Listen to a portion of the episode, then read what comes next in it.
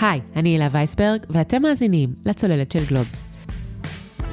אם לפני שנה היו מספרים לכם ששוק הנדל"ן צועד לקראת ירידות מחירים, הייתם מאמינים? ובכן, זה היה לפני שנה, כשהריבית עוד הייתה כמעט אפסית, והיום, תחילת אפריל 2023, היא כבר 4.5%, ועוד היד נטויה. בשבוע הבא נחזור עם פרקים רגילים של הצוללת, אבל השבוע נשדר שני פרקים בשידור חוזר. הפרק שמיד תשמעו שודר ממש באחרונה בפודקאסט הנדל"ן של גלובס בהגשת גיא ליברמן, כסף בקיר. יחד עם פרשני גלובס אריק מרובסקי ודרור מרמור, גיא ניסה להבין האם באמת מחירי הדירות עומדים לרדת, ובכמה? והאם בסביבה הפיננסית שנוצרה, נפילה של יזמית נדל"ן היא רק עניין של זמן? ובקיצור, אם אתם מנסים להבין מה קורה עכשיו בשוק הנדל"ן, זה הפרק להאזין לו. האזנה נעימה.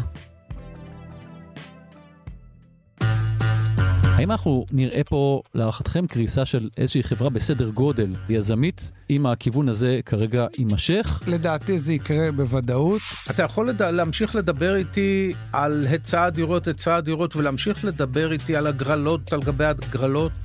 אבל אנחנו כבר לא שם, יש לנו מצוקת ריבית, דיברנו על זה. כל אחד שרוצה לקנות דירה, כל בעל דירה, כל אחד יודע שהריבית היא הבעיה העיקרית כיום. לדעתי 2023 לא תהיה שנת בשורה בהתחדשות העירונית. שוק הנדל"ן שידע שנים לא מעטות של יציבות השתנה בחודשים האחרונים, ולפחות לי הוא נראה כיום די חידתי. התחזית כרגע של חטיבת המחקר מדברת בשנה קדימה על אחוז וחצי. זה נגיד בנק ישראל, הפרופסור אמיר ירון, שבמסיבת עיתונאים שהוא קיים באפריל בשנה שעברה, כשהחל גל העלאות הריבית במשק, העריך שבתוך שנה הריבית במשק תעמוד על אחוז וחצי. אנחנו פחות משנה מאותה הערכה, והריבית טיפסה כבר ל-4% ורבע. בינתיים גם האינפלציה לא ממש עוצרת, ומי ששמו כסף בבורסה מכירים היטב את הנתונים העגומים שמגיעים משם. לצד אלה, המדינה מתנהלת בצל הרפורמה המשפטית, או ההפיכה המשפטית, תחליטו לבד איך אתם רואים זאת, אבל מה שבטוח הוא שלכלכלה זה לא עושה טוב. היי, אני גיא ליברמן ואתם מאזינים לכסף בקיר, פודקאסט השקעות הנדל"ן של גלובס, ועל רקע השינויים הבאמת גדולים שחווה שוק הנדל"ן והרבה מאוד סימני שאלה בקשר לעתיד, אנחנו היום בפרק מיוחד שינסה לעשות סדר ולספק תשובות בנושאים כמו מחירי הדירות לאן, האם הקושי של חברות הנדל"ן עלול להביא לקריסות, כן, מה ששמעתם, מהן הערכות לגבי הריבית במשק, איך יושפע תחום ההתחדשות העירונית, ועוד ועוד. אז יאללה, בואו נצא לדרך כשאת האורח הראשון שלי, מאזיני כסף בקיר, כמו גם קוראי גלובס, מכירים? ממש טוב. שלום לפרשן הנדל"ן הבכיר של גלובס, אריק מירובסקי. אהלן, אהלן. מה שלומך? משתדלים, שמע, ימים לא פשוטים, תמיד. כן. ואיתנו גם דרור מרמור, עיתונאי נדל"ן ותיק מאוד, כיום סגן עורכת גלובס, אבל במשך שנים היה עורך הנדל"ן של גלובס, מה נשמע דרור? נפלא, שוב, נפלא בהינתן הנסיבות, אבל יכול להיות יותר טוב, אבל הכל טוב. אני חושב שזו פעם ראשונה ששניכם אה, מתראיינים ב- ביחד, זה נכון? כן, כן. פעם ראשונה. ציון דרך היסטורי. ציון דרך היסטורי, הנה, הצלחתי להביא אתכם ל... זה לא אתה, שוב, זה הריבית והנדלן, ובאמת הסערות מספיק גדולות בחוץ כדי שנתכנס. טוב, אז בואו ניכנס ישר לעניינים. אני רוצה, אולי הדבר שהכי מעניין, בסופו של דבר, עם כל הדברים, מחירי הנדלן. לאן אנחנו הולכים? אריק, אולי נתחיל איתך. מה קורה פה בחודשים או בשנה האחרונה ואולי ננסה לצאת מזה גם לאן אנחנו הולכים. בוא נתחיל עם תשובה ישירה לשאלה שלך. מחירי הדירות בדרך למטה. הם עדיין לא ירדו, אולי אנחנו עוד לא רואים את המינוס. אנחנו התחלנו לראות את זה עם דירות חדשות, אני מאמין שבקרוב מאוד נתחיל לראות את זה גם עם דירות יד שנייה. ולמעשה אנחנו היינו עד עכשיו במיני גל שהתחיל בסוף הסגר הקורונה הראשון, ושהוא חלק מהגל הכולל שנמשך בערך 15 אה, שנה של עליות מחירים. המיני גל הזה הניב עליות נוספות של 30 ומשהו אחוזים, ואני מאמין שהדברים יירגעו מאוד מאוד בתקופה הקרובה. דרור, מה אומר? כן, אין ספק. שוב, אני חושב שגם השוק פוגש את כל הוקטורים כשלוחצים על השוק למטה. אנחנו נדבר עוד מעט על הריבית, בוודאי, הזכרת את זה בפתיח. אבל בוא, גם הממשלה, שסוף סוף אנחנו נדבר ונבקר אותה מספיק, אבל היא נמצאת אחרי שנתיים שהשיווקים גם שברו שיאים אה, מכובדים. וגם היתרי הבנייה לחצו על הגז, הזכרת את ההתחדשות העירונית, שגם שם, אתה יודע, אנחנו איכשהו רואים איזשהו פלונטר שמתחיל להשתחרר, ובסוף כשהשוק פוגש היצע שסוף סוף מתחיל לענות על הביקוש ועוקף את מספר משקי הבית, כשבמקביל לציבור הרבה יותר קשה לקנות, אז כמו שאריק אומר, אני חושב שאנחנו כבר, אה, רק עיוור לא רואה כבר את הירידות. ואגב, זה לא חייב להיות ירידות, אבל כשאתה רואה כמה הקבלנים הולכים לקראתך באלף ואחד מבצעים אחרים, דה פקטו זה אומר שהמחירים יורדים ואנחנו כבר שם. תגידו, זה שהמחירים יורדים, למה אנחנו צריכים לצפות? זה אה, לפחות בפרק התחזיות שלנו בתחילת שנה, התחזית אולי הכי הכי מרחיקת לכת דיברה על עד עשרה אחוזים. זה גם מה שאתם צופים בנקודת הזמן הזאת? לא, קודם כל אה, צריך להבין, אין שליטה על מחירי הדירות. להגיד עד 10 אחוז, עד 15 אחוז, מה אפשר לעשות? ההיסטוריה מלמדת אותנו ששוק הדירות לא מתנהל כתוכנית כבקשתך. הרבה פעמים אנחנו רואים שמה שמתחיל בתור ירידות מתונות, פתאום צובר תאוצה. ומגיע ל-20 אחוז ירידה, 30 אחוז ירידה. אנחנו רואים את כל השלושת רבעי העשור הראשון של ה... בין שנות נניח 2000 ל-2007, שהמחירים ירדו ב-20-30 אחוז. אין באמת אפשרות לחזות בכמה. אנחנו גם רואים, העולם של היום הוא עולם מטורף. קשה מאוד לחזות את הדברים. פתאום יש לך את uh, מלחמת אוקראינה שמשבש את הכל. לא צריך ללכת רחוק. כן, הברבורים השחורים זה כבר שגרה. כן, זה כבר להקה, זה רגע, לא... אבל אני אגיד עוד משהו, אפרופו מה שאריק אומר, צריכים להבין ששוק הנדל"ן, במיוחד שוק הדיור, שפונה להמונים, מתנהג באופן שונה אולי ממה שרובנו מכירים משוק הצריכה. אם אתה תלך היום לקניון ותראה את החולצה שאתמול ראית ב-100, ב-50 שקל, תגיד, וואלה, אחלה הזדמנות, אני אקנה את החולצה ב-50. בנדל"ן אנחנו רואים שכשמתחילות ירידות, כמו שאריק אומר, קשה לעצור אותה, כי אם היום אני אראה את הדירה שראיתי אתמול במיליון 800, היום אני אראה במיליון 700, אני אגיד, וואלה, העסק התחיל לרדת, אז מחר אולי אני אקנה את זה במיליון 600. במיוחד, אגב, הנה, אנחנו רואים כבר חודשיים של ירידות רצופות במחירי הדירות החדשות. זה לא משכנע את גיא או את אריק ללכת לקנות, אלא הם אומרים, וואלה, נחכה עוד חודש, כנראה יהיה יותר נמוך. ובאמת ראינו את זה מ-97 עד 2007, הירידות היו רצופות יחסית. כלומר, כמו שאמרתי, אנשים אומרים, אתמול היה יותר יקר. משלשום, אז אנשים להפך רצים לקנות דווקא בגלל שיקר, כי כנראה מחר יהיה יותר יקר, וככה העליות מתמשכות, ובדיוק להפך בירידות. אז אם אכן יתחיל גל, כמו שאריק אומר, אני לא רואה איך הוא ייעצר מהר, במיוחד בהינתן גם שהאינפלציה מקשה עלינו לצאת לקנות, וגם שהריבית הופכת את המשימה להרבה יותר גדולה. אני רק רוצה להזכיר לכם, אני מקווה שזה לא רק זיכרון שלי, אבל במשבר הסאב פריים, אני זוכר שאנשים פשוט ישבו על הגדר ולא מכרו דירות. זה לפחות מה שאני לקחתי משם, הם ראו ש, שהמחירים בירידה, ואמרו, אוקיי, מי שלא חייב, פשוט לא, לא מוכר, אני צופה שזה יקרה גם עכשיו. אגב, זה מה שאריק אמר, בגלל זה היד השנייה כרגע קפוא, כי מי שלא חייב למכור כרגע מחכה, אבל יגיע רגע, אגב, שדווקא ביד השנייה נראה לא פחות לחץ של הקבלנים. הרי קבלן מוכר כי יש לו בנק על הצוואר, והוא קנה את הקרקע, והוא משלם הרבה ריבית, והוא כנראה חייב לפגוש תזרים ולפגוש כסף. יש לא מעט אנשים שמחזיקים בדירת היד השנייה שלהם, או שהם מחזיקים משכנתה שהם לא יוכלו לשלם, או שהם כבר קנו דירה והם חייבים עכשיו לקבל החלטה לא קלה.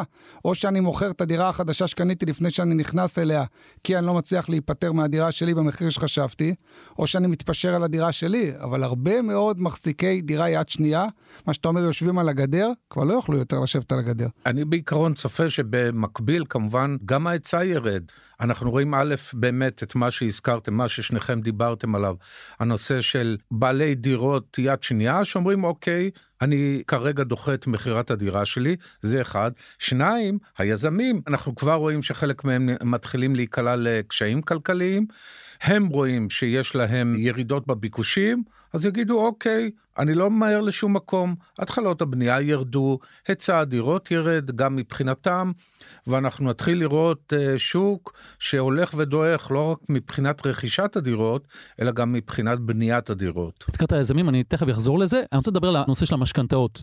הריבית עלתה כבר שמונה פעמים ברציפות, לפחות לתקופה הזאת שאנחנו מקליטים את הפרק הזה, שזה חודש מרץ 2023, אני לא יודע מתי יאזינו לפרק הזה, יכול להיות גם עוד שנה, אז יכול להיות שיהיו עוד אה, העלאות ריבית, אני לא יודע, אבל לאן אנחנו הולכים היום? היום הריבית במשק היא 4.25, אומר ריבית הפריים 5.75. זה כבר לא מעט, אנחנו שומעים על אנשים שהוסיפו למשכנתאות שלהם 1,000, 1,500, 2,000 שקלים בחודש, ואני שואל, עד כמה אנחנו נוכל להמשיך לספוג את ההעלאות האלה? העובדה היא שכנראה הריבית אה, אמורה להמשיך לעלות. האינפלציה עדיין גבוהה והריבית עדיין נמוכה מהאינפלציה. כנראה שנחווה על עצמנו עליות ריבית נוספות.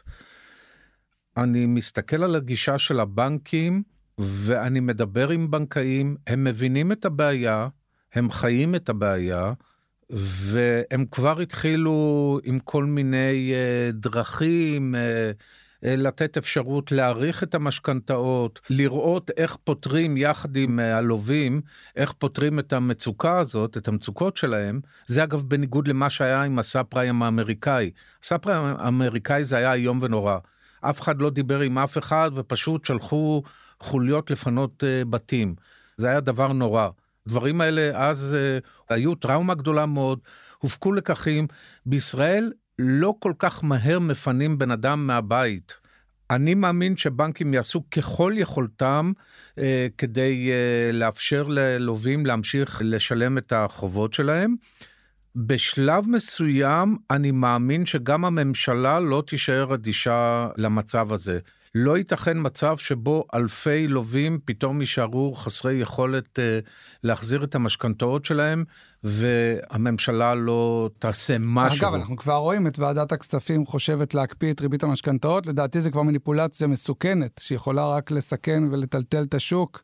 כי תחשבו על בנק שפתאום אומרים לו, אתה כבר לא יכול להעלות את הריבית כמו שחשבת ומה שהיה כתוב בחוזה, אז הוא יצטרך לתמחר את זה כבר במשכנתאות של מחר. אבל אין ספק, כמו שאריק אומר, כלומר, אנשים לא ימהרו לא להחזיר את הכסף, וגם שלא נהיה נאיבים, הבנקים לא באמת אוהבים אותנו ודואגים לנו, הם דואגים לעצמם. כמו שאריק הזכיר, את ארצות הברית לצורך העניין ב-2008, הבנק לא רוצה להתמודד פתאום עם אלף או אלפיים דירות שהוא קיבל, גם זה לא נכון תדמיתית, שנראה תמונות של אנשים שנזרקו מהדירה, וגם זה לא טוב לשוק, אם יחזרו פתאום אלפיים דירות לשוק, והבנק יצטרך למכור אותם ולא אתם, אז כמובן שהמחירים ירדו, כי הבנק אה, יצטרך להתפשר הרבה יותר מהר, אז הבנק כנראה יפרוס יותר את המשכנתאות. אנחנו רואים בנקים הפועלים ומזרחי, ואולי יהיו עוד כמה שכבר מקפיאים את הריבית, העיקר שתצליחו לשלם שוב. בתנאים מסוימים אני אומר, בתנאים מסוימים, וכשהבנק גם פורס לכם, תזכרו את זה. אפרופו מי ששומע אותנו, כשהבנק פורס לך את המשכנתה ליותר שנים, זה לא אומר שהוא עשה לך טובה, הוא עשה לעצמו טובה. הוא רוצה לקבל את כל הכסף, הוא יקבל יותר ריבית, וכנראה הוא ייהנה מזה יותר. אבל צריכים לזכור שכשהריבית עולה והמשכנתאות מתייקרות, זה בעיקר מוריד את הביקוש של הקונים החדשים. וזה מה שיכול להשפיע על השוק. ורק כדי לסבר את האוזן, עזבו איך זה חודשי. עשיתי בדיקה קטנה, בוא נדמיין עכשיו שאתה מחליט שאתה היית מסוגל לפני שנה ואתה מסוגל גם היום לשלם 5,000 שקל כל חודש משכנתה לבנק. אבל בהינתן הריבית של שנה שעברה, בדיוק לפני שנה, 5,000 שקל, יכלו לתת לך ל-30 שנה מיליון 300, מיליון 200. שקלים משכנתה בשביל לרוץ לקנות דירה עם ההון העצמי שגרעת מסבתא או מההורים. היום על אותם תנאים של 5,000 שקל לחודש ל-30 שנה, אתה תקבל מהבנק פחות מ-900,000 שקל. כלומר זה כסף אמיתי, היום אתה מקבל פשוט פחות, כי שוב, כי הבנק מהוון את הריבית, לא ניכנס פה למונחים מסובכים, אבל ריבית של 5%, שזה ריבית המשכנתאות היום, הממוצעת, לעומת ריבית של 3% לפני שנה, זה משפיע דרמטית על היכולת שלנו לגייס כסף מהבנק. אנחנו מקבלים 30% פחות מהבנק, אז תחשבו לבד, היום בן אדם יכול לקבל 900 אלף שקל מהבנק, מה אתה כבר יכול לעשות בשוק של היום עם אותם 900 אלף? לפני שנה קיבלת מיליון 300, גירדת עוד 300 או 400 אלף מההורים ומסבתא, היה לך לא מעט אפשרויות בשוק. הזכרת את ועדת הכספים, יהיה לפחות מעניין בחודשים הקרובים לראות את הדוחות של הבנקים, אם הם ימשיכו להיות מאוד מאוד רווחיים בזמן שאנחנו נאנקים תחת המשכנתאות הגבוהות האלה, אני חושב שאז בכנסת והמחוקקים לא יוכלו להישאר אדישים, והנושא של פינוי אנשים מהבתים, אני חושב שגם היום בעידן של הרשתות החברתיות, כבר הרבה זמן לא ראינו, בטח לא במסות, ש... וזה מעולה, כן? שמפנים אנשים מהבתים, אבל אם זה יקרה, גם הבנקים, גם בפן הזה, יצטרכו לחשוב על, ה... על הנראות שלהם. כן, נכון. אגב, ראינו את זה לפני חמש שנים בערך, שהבנקים היו היחידים שחטפו מהממשלה הגבלת שכר בכירים. כלומר, לא הגבילו את השכר של אה, מנכ"ל של חברה ציבורית בנדל"ן, אבל של הבנקאים כן, כי כמו שאתה אומר, כשהבנקים מרוויחים יותר מדי, יש לזה עד ציבורי, הם חוטפים על הראש, וכמו שאתה אומר, יהיה להם קשה להסביר לנו למה הם מרוויחים כל כך הרבה, כשלנו כל כך קשה.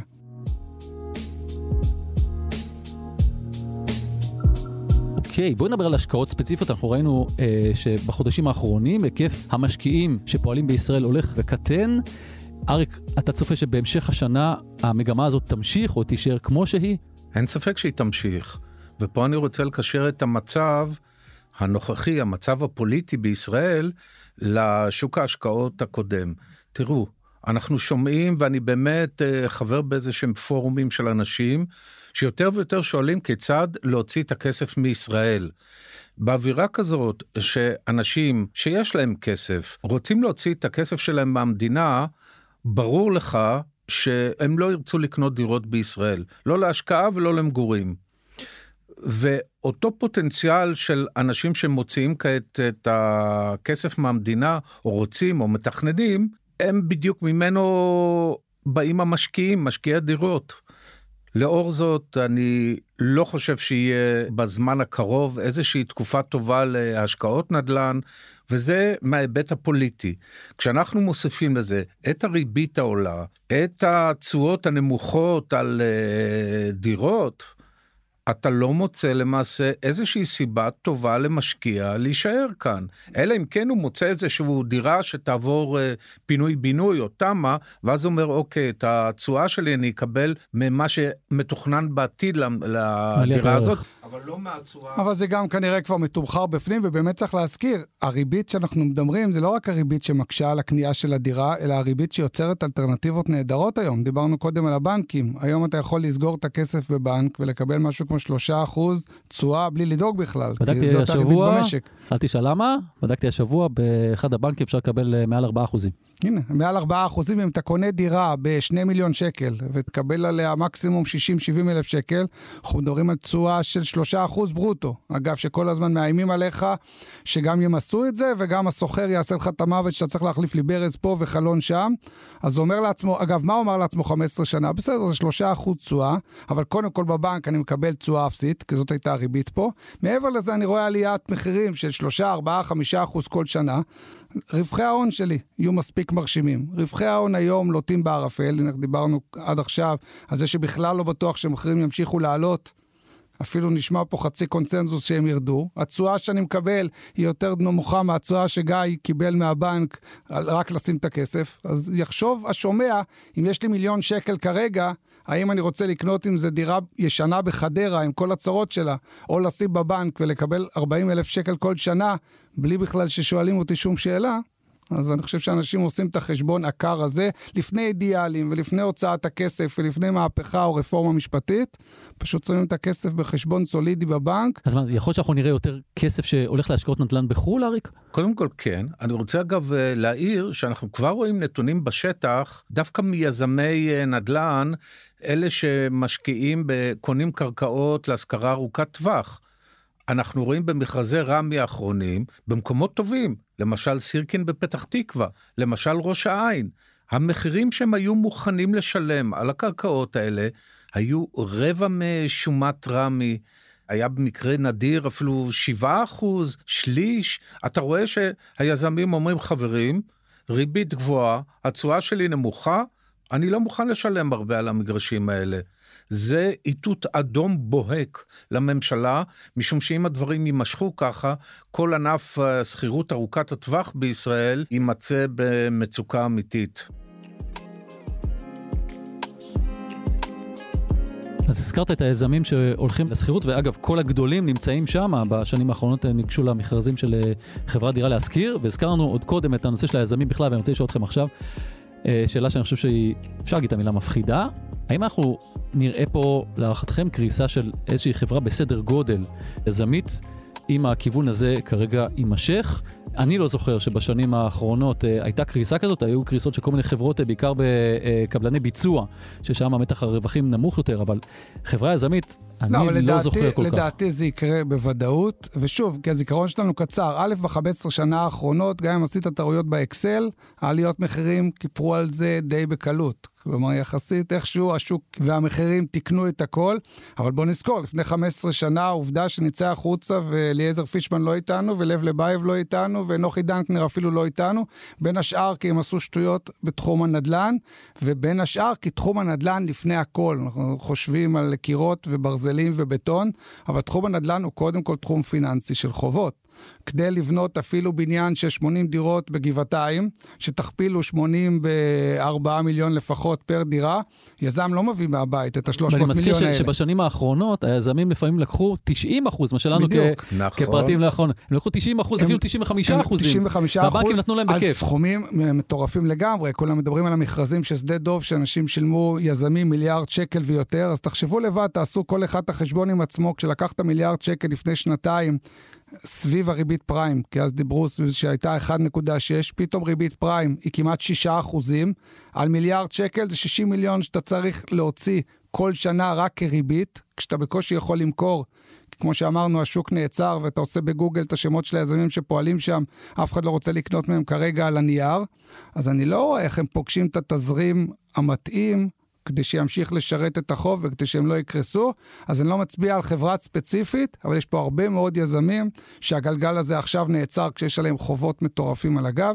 כשהחובות מתייקרים, כשיש פחות קונים, וזאת תקופה שמה שמדבר זה התזרים. עזבו, הם ימשיכו לדווח לנו שהם מכרו דירות, אבל רוב הדירות שהם מוכרים עכשיו, הם לא פוגשים הרבה כסף אמיתי. צאו, תראו את השלטי חוצות, כולם מבטיחים לכם, קנו עכשיו, שלמו אחר כך, 20-80, לא חשוב מה, זה אומר שבשורה התחתונה אתה יכול לדווח לבורסה שמכרת 150 דירות ברבעון, אבל פגשת בקושי רבע מהכסף. וכשיגיעו מועדי הפירעונות של האג"חים, של אותם חובות שהם לקחו, לדעתי נראה פה קריסות עצובות. הזכרנו קודם את הבנקים, מי שאולי יעצור את זה בינתיים זה הבנקים, שבנקים אין הרבה כמו יזמים, אז אולי הם יעשו הכל כדי לסחוב את זה עוד קצת, אבל לא רואה אותם uh, מצליחים לסיים את הסיפור הזה טוב. אריק? כן, אני מסכים לחלוטין עם דרור. אם אנחנו הולכים באמת 20 שנה לאחור ל... לגל הירידות הקשה שפקד אותנו החל מסוף שנות ה-90 עד 2007, הרבה מאוד חברות נפלו אז, הרבה מאוד, אנחנו פשוט שוכחים. למעשה, החברה הכי בולטת דאז, חפציבה, חפציבה. במבט היסטורי, זה אולי יש פה איזשהו טרגדיה קטנה מבחינת החברה, כי הם קרסו חודשים ספורים לפני תחילת העליות. ואז לא היינו אומרת, יודעים מה מה הם עשו שם מאחורי הקלעים. בדיוק, נכון, היו שם התנהלויות נוראיות. אגב, חלק מהנפילות אז היה קשור להתנהלות אה, האישית והאישית של המנהלים והבעלים, והניהול הגרוע שהיה של חלק מהחברות, והפזרני שהיה של החברות דאז. אני לא יודע מה המצב היום. אני רוצה לקוות שהמצב היום יותר טוב מבחינת הניהול, אני לא בטוח, אבל אני לחלוטין מסכים שהמינוף הוא מטורף, וקשה לי לראות כיצד השוק הזה עובר גל של ירידות, מבלי שאף חברה לא ניזוקה.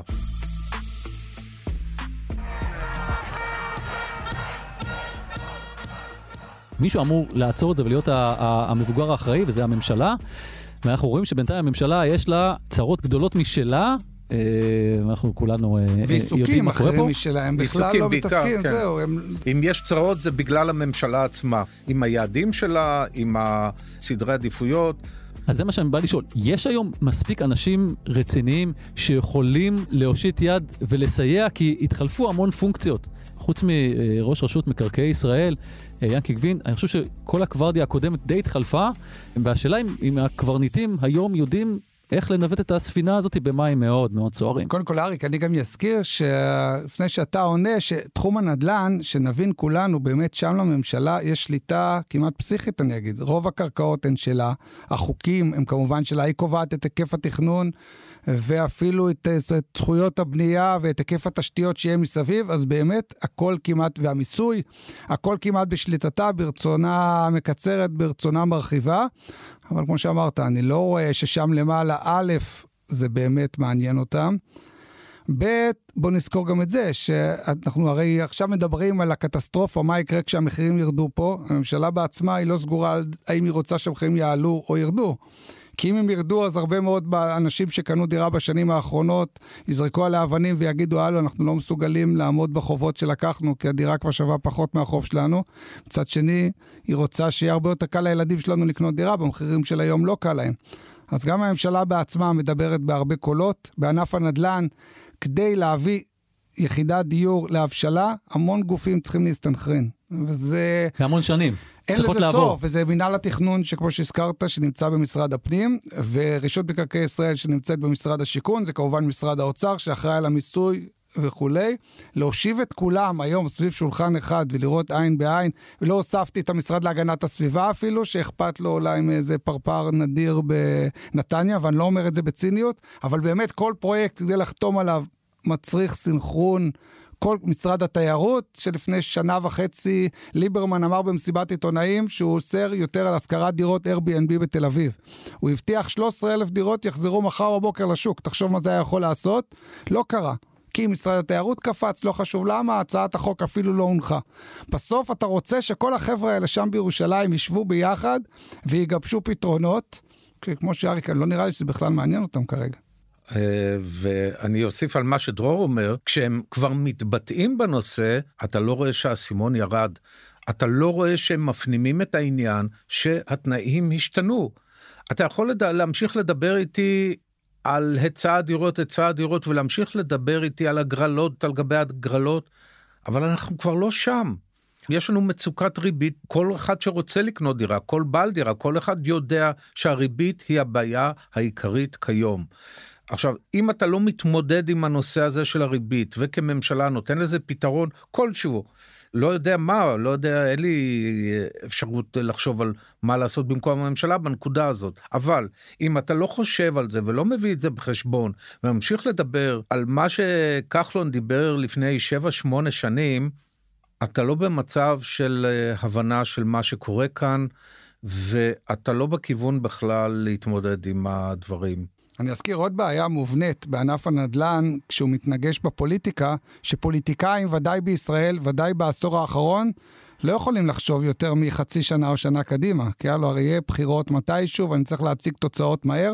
ענף הנדל"ן צריך תהליכים ארוכי טווח. זה פתרונות, זה מיסוי קצת יותר חכם מלהעלות מס רכישה לשמונה, להוריד לחמש וחוזר חלילה. צריך פתרונות ארוכי טווח. פוליטיקאים צריכים כאן ועכשיו לייצר הגרלות ולייצר uh, מקסמי שווא, וכאן זה מתנגש. אז כל הפתרונות הם היו פתרונות לחודש-חודשיים, ולא אני, פתרונות אני, אמיתיים. בקטע הזה, בקטע הזה, לתו... הממשלה הזאת מגיעה בעמדה טובה. זאת אומרת, כל הממשלות הקודמות, במיוחד המתודות של כחלון, הביאו את המצב ל... אתה מדבר על סבסוד של אה, דירות לצעירים. לא של סבסוד, דווקא אני מדבר על תכנון, הביאו לזה שיש היום שיא- שיאים, כמו שדרור ציין. בהתחלה, של שיווק, של היתרי בנייה, של התחלות בנייה. זאת אומרת, חלק גדול מהדברים נפתרו. כל מה שצריך אה, לעשות עכשיו, קודם כל להגדיר את הבעיות מחדש, מה שאנחנו לא רואים שנעשה, ולאחר מכן, בהתאם להגדרה החדשה, להתאים לזה פתרונות. שוב, אנחנו לא רואים את זה. תגידו, המחאות שבחוץ, ואומרים שיוציאו מפה כסף, ואיך זה ישפיע על נדל"ן? זאת אומרת, בסופו של דבר, יש פה שוק נדל"ן אה, די חזק בישראל. החברות שפועלות פה הן החברות המובילות, זאת אומרת, אנחנו רואים איזה גופים מבחוץ, שהם חברות הנדל"ן הגדולות. היו ניסיונות כאלה בעבר, זה לא מה שקורה. עד כמה זה משפיע עלינו, חוץ מזה שלאנשים היום אה, יש אולי רצון לשבת אני קצת הייתי על נבהל הכסף? מזה גם קצת, אבל אני חושב שעדיין, גם ראינו את זה פה בסקרים אפילו שעשינו בגלובס. אנשים מקטרים ובצדק, אנשים uh, מבואסים ובצדק, כי לא כיף לראות מה קורה בחוץ, אבל רוב האנשים, אנחנו מכירים את זה על עצמנו, די פסיביים. כלומר, אני עם חברת הסלולר שלי וחברת התשתיות uh, כבלים שלי בבית, אני כל יומיים, אתה יודע, אני ואשתי מקטרים, אבל איכשהו אנחנו נתקעים איתה, כי לעשות מעשה ולהתקשר ולהתנתק, גם להוציא כספים לחו"ל, בהנחה שאנחנו לא עמידים יותר מדי, רוב האנשים הם אדישים, אני לא רואה אותם מוציאים מהר כסף לחו"ל, אבל סתם, אתה יודע, כדי לקנות דירה, וכדי לה, להאמין שבמדינת ישראל, אתה יודע, רכישת דירה, במיוחד שאנשים לוקחים משכנתאות לעשרות שנים, אתה צריך להיות במוד מסוים ולהיות, ב... שיש לך אופק של עשרות שנים קדימה, ולהיות במצב רוח חיובי באופן כללי. ואם ביום שישי אתה כבר חושב לאיזה הפגנה אני אלך במוצ"ש, ולא לאיזה אתר בנייה אני אלך לראות את הדירה הבאה שלי, אז זה גם זה, ברור שזה מייצר כרגע סנטימנט שלילי, וגם מי שכבר החליט לקנות דירה אומר כרגע, רגע, בוא נעצור ונראה לאן לוקחים אותנו המים ולאן הסערה בחוץ לוקחת אותנו לפני שאני עושה צעד כל כך משמעותי. אני אוסיף על זה משהו נוסף, אה, וזה האלמנט הביטחוני. ופה באמת אני מאחל ומתפלל שאני עושה פה טעות איומה בכל מה שקשור להיבט הביטחוני, וכשאני מנסה להחזיר אותנו לתקופות של האינתיפאדות. מי שזוכר זוכר ומי שלא זוכר, כיף לו. בתקופות האלה גם שוק הנדל"ן נפגע. המוטיבציה לקנות דירה חדשה, דירות חדשות, ירדה מאוד, אנשים קפאו, פשוט קפאו. פשוט לא, לא היה חשק לכלום. דרור אמר מצב רוח אופטימי, מצב רוח טוב, זה היה אז מצב רוח על הקאנטים. הקטע הוא כזה, באמת, גם אם אנשים בפועל לא מוציאים את הכסף שלהם החוצה, המוטיבציה שלהם להשקיע פה יורדת. ולכן המשמעות של זה, או התרגום המעשי לזה, שפחות, אה, קונים פחות נדל"ן פה. בוא ננסה לדבר על משהו שנראה לי טיפה יותר חיובי, איזושהי קרן אור, נושא של התחדשות עירונית, אני חושב שהשוק אה, אה, מאוד התבגר בשנים האחרונות. כשאני אומר להתבגר, אני שם לב שהמערכות פשוט יודעות כבר איך זה עובד. העורך דין מבין עם מי הוא צריך לדבר, המפקח, הוועדות המקומיות או המחוזיות, כאילו הקבלנים כבר מבינים את השפה, אפילו הדיירים. כבר פחות מפחדים, הם רואים בניין מימינם, בניין משמאלם, ורואים גם לנו מגיע, גם אנחנו רוצים, אתה צודק. לגמרי. אריק, אני רוצה לשאול אותך, אנחנו נמשיך לראות פריחה בתחום הזה? לא. והנה אני, אמר, רצית להגיד משהו חיובי, אני אומר לך לא. אני בכוונה לא עניתי ראשון, כי חשבתי שאני אהיה השלילי, אני רואה שגם אתה, אבל בסדר, באתם מתואמים מדי היום. כן, יש היבט שצריך להבין אותו, אה, היבט בסיסי של ההתחדשות העירונית. היא קשורה קשר הדוק למחירי הדירות, אוקיי? יש את המונח הזה מכפיל בהתחדשות עירונית, שאומר כמה דירות חדשות אני אוכל להקים פר כמה דירות ישנות אני אהרוס. ככל שמחירי הדירות עולים, היחס הזה קטן. זאת אומרת, מספיק לבנות פחות דירות כדי שהיזם יראה את הרווח. כשהמחירים יורדים והשוק בקאנטים, כפי שאנחנו תיארנו, היחס הזה חייב לעלות. ככל שהוא עולה, הוועדות לתכנון ולבנייה מקשיחות את העמדה שלהם ואומרות, מצטערות, אי אפשר להקים כל כך הרבה יחידות דיור כפי שאתם רוצים. לכן מוקפאים הפרויקטים ולכן פחות ופחות פרויקטים יוקמו. מה גם שעלול להיווצר מצב כזה, כבר התוכניות אושרו. אושרו בעבר, הנה אושרו לפני חצי שנה, שנה לדוגמה תוכנית לפי מכפיל של חמש, זאת אומרת יוקמו 50 דירות במקום 10.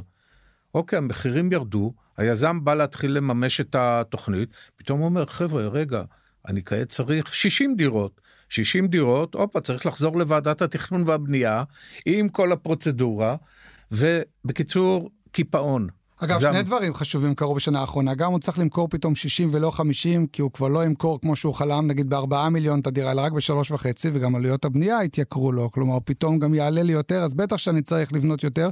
ואני אגיד עוד משהו, אפרופו הפריחה שדיברת עליה, אני חושב שהשוק גם מגיע לאיזושהי מגבלת כמויות, גם בגלל שבוא נזכור, אם אני מפנה עכשיו 200 דיירים בגבעתיים, כדי להכניס אותם בעוד חמש שנים לפרויקט של אלף דירות, אותם 200 איש, אני נותן להם כסף, אגב, כסף לפי מה ששמאי יקבע ששווה שכירות באות, באותה שכונה, כי הם רוצים הרי לחזור לאותה שכונה ולא להתרחק. עכשיו תגיד לי אם 200 איש שאני מפנה בגבעתיים, אם יכולים למצוא 200 דירות לשכירות בגבעתיים, אני בכלל לא בטוח.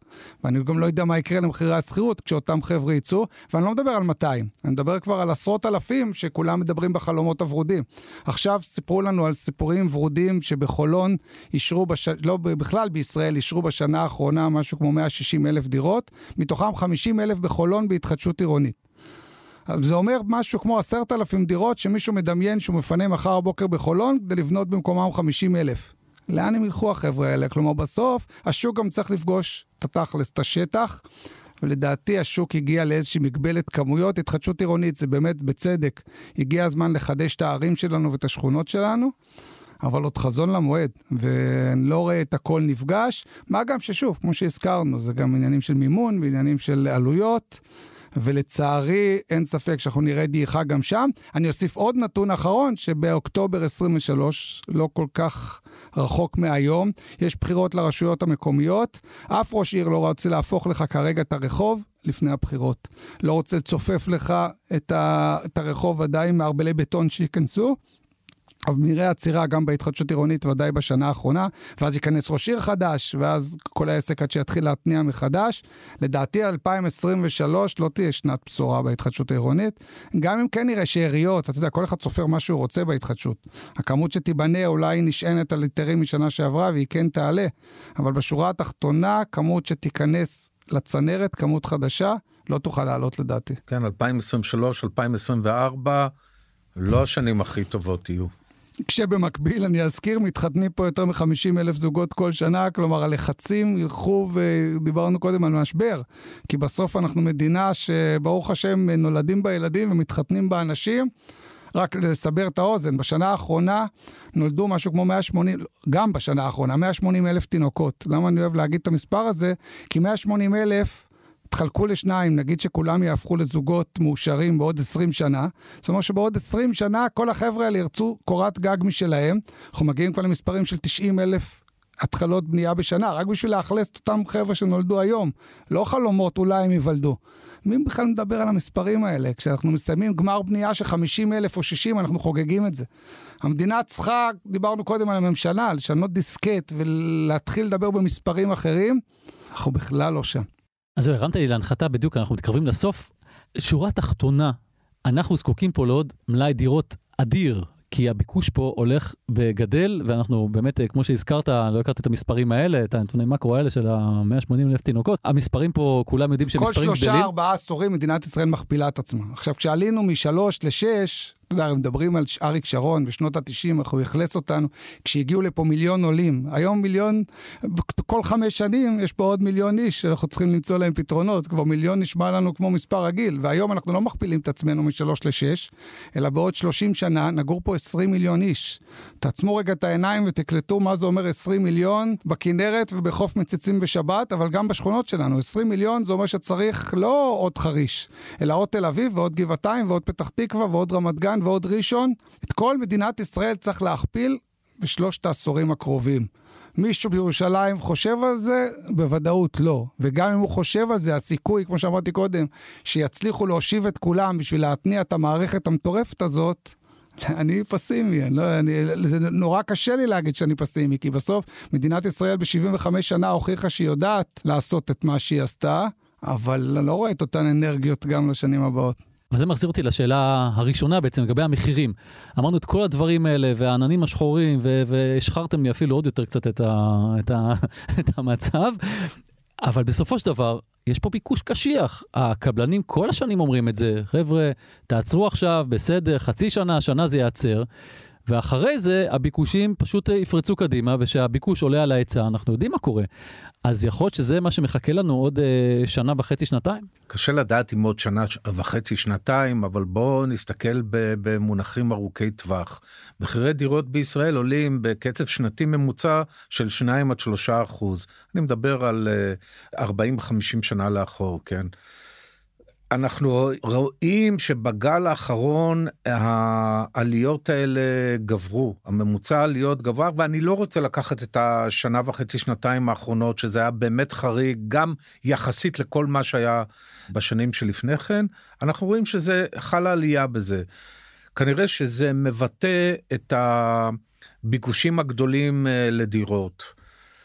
יחד עם זה אי אפשר אה, להתעלם מפקטורים קצרי טווח. זאת אומרת של הריבית הגבוהה, של כל מה שאנחנו חווים עכשיו עם הפוליטיקה, ולהגיד דבר כזה, שבטווח הארוך כנראה שמחירי הדירות יוסיפו לעלות בקצב כזה או אחר, אבל טווח קצר שאנחנו מדברים, אז בהחלט אה, ייתכנו ירידות ואפילו ירידות גדולות. כשהמשמעות אולי לאחר מכן היא שהעליות הבאות שלאחר מכן יהיו הרבה יותר גבוהות. זה יכול להיות, אבל זה באמת עוד חזון למועד.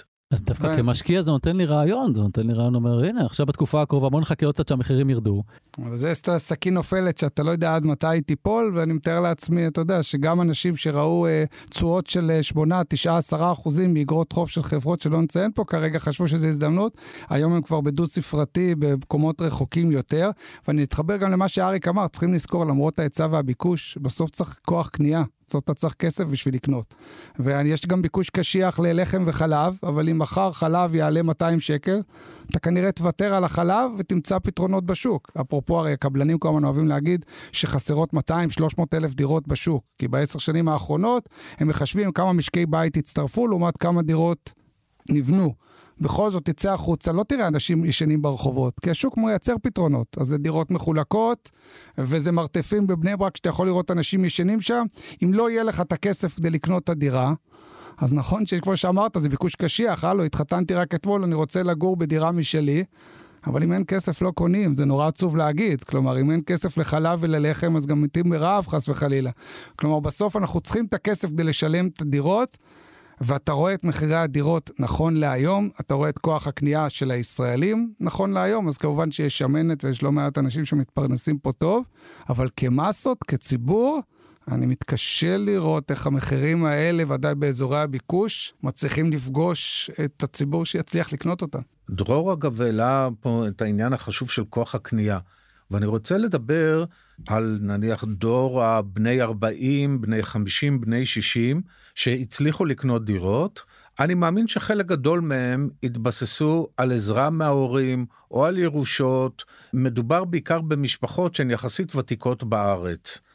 מספר המשפחות האלה ילך ויפחת.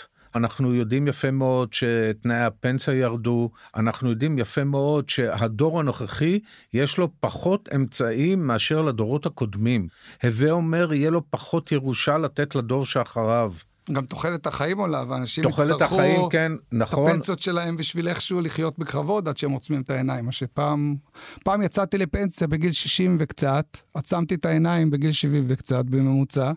זה הספיק לי א' כדי לחיות מהפנסיה, וגם כדי להשאיר לילדים את הדירה, או שלא, אתה יודע, גם אם זה במקומות יותר מרוחקים. היום, היום אפילו יש משכנתאות הפוכות, שפתאום כשההורים חס וחלילה יעצמו את העיניים, אתה תגלה שאפילו הדירה היא לא שלהם, כי הם השכנו את הדירה לבנק כדי לקבל כסף קצת כל חודש. אז כמו שאריק אומר, אפילו ירושות לא נקבל, נקבל פחות עזרה מההורים. אז נמשיך לחלום לקנות דירה, כי אמרת ביקוש קשיח, אבל אני לא רואה איך נעשה את זה. שמת לב שאף צד לא נחמד, אה? בכל זאת מנסה למצוא משהו אופטימי ולא מוצא. אריק, יש לך משהו אופטימי? תן לנו משהו אופטימי. זה, אגב, תראו זה כמה- הדבר באמת... כי תראו זה כמה זה לא פייר, כי אנחנו חמש, עשר שנים היינו מדברים על נדל"ן, ואומרים מתי סוף סוף המחירים ירדו שיהיה קל לקנות. אנחנו בעצם דיברנו עכשיו חצי שעה שהמחירים ירדו, אבל בואו נתפוס את הראש, כי זה לא יהיה לנו יותר קל לקנות ולא יהיה לנו יותר קל לחיות. העולם מורכב, נו מה נעשה? אני מקווה שאם אתה שואל אופטימי, אני, זה רק תקווה שההרגל או שצורת החיים הזאת של אה, שכירות, אה, שהדברים האלה יונחלו טוב יותר אה, לדור, לדורות שאחרינו, ושיתחילו באמת יותר אנשים להבין שלא חייבים לרכוש דירה.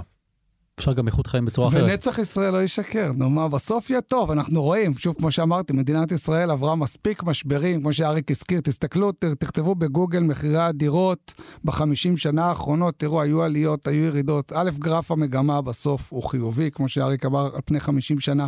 העליות הן של שלושה אחוז, פחות או יותר משנה לשנה, גם כשיש ירידות. וב', שוב, בסוף יהיו פה כנראה 20 מיליון ישראלים בעוד 30 שנה. נצטרך ללמוד לחיות, נו מה, אנחנו בסוף אה, חייבים להיות אופטימיים. אגב, סתם כאנקדוטה, בן גוריון לפני, בזמן מלחמת העולם הראשונה, אולי קצת לפני, הטורקים הרי זרקו אותו לארה"ב, כי הוא לא יכל להיות פה.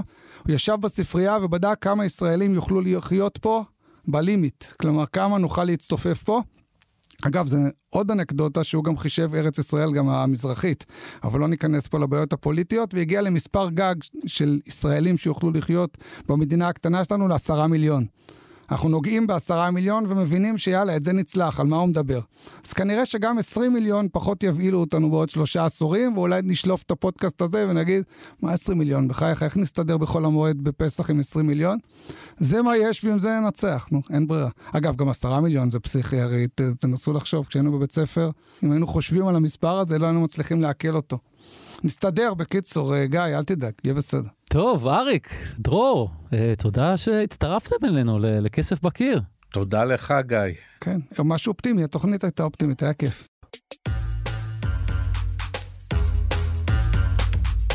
זהו, עד כאן עוד פרק של כסף בקיר, עשרות פרקים נוספים שלנו מחכים לכם בכל אפליקציות הפודקאסטים או באתר גלובס.